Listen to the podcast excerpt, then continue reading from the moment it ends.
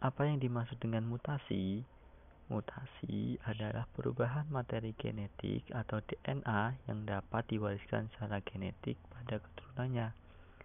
Orang yang pertama kali menggunakan istilah mutasi adalah hugh de vereis istilah mutasi digunakan untuk mengemukakan adanya perubahan fenotip mendadak pada bunga onthera lamarckxina dan perubahan ini bersifat menurun perubahan susunan genetik ini menyebabkan terjadinya perubahan gen dan akhirnya menyebabkan perubahan alel dan fenotip makhluk hidup.